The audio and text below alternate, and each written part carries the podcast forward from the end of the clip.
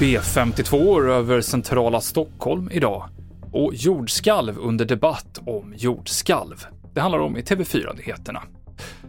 Vi börjar med att berätta att två inspektörer ska stanna kvar vid det omstridda kärnkraftverket Zaporizjzja i Ukraina.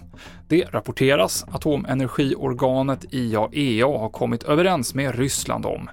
Det finns en oro för att strider i närheten av anläggningen ska orsaka en katastrof.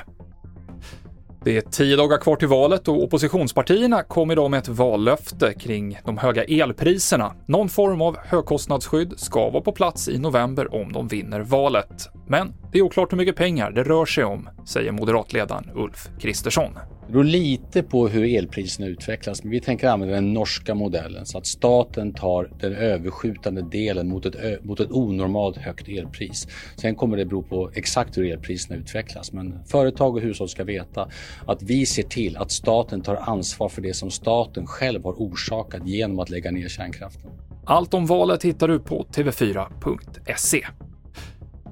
Två amerikanska bombflygplan och tre JAS-flygplan flög på låg höjd över centrala Stockholm idag, bland annat över Kungliga slottet. Det här var del av en övning och planen hade inga bomber med sig enligt Försvarsmakten.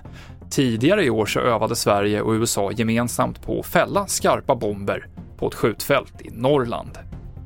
Och mitt under en debatt i parlamentet i Liechtenstein så skakades hela byggnaden av inte mindre än två jordskalv igår. Som av en händelse så handlade debatten om just jordskalv. Jordskalvet ägde rum strax före lunchtid och enligt forskare hade det kraftigaste magnituden 4, men ingen person uppges ha kommit till skada. Bilder på när det skakar till rejält inne i parlamentet hittar du på tv4.se. I studion nu, Mikael Klintevall.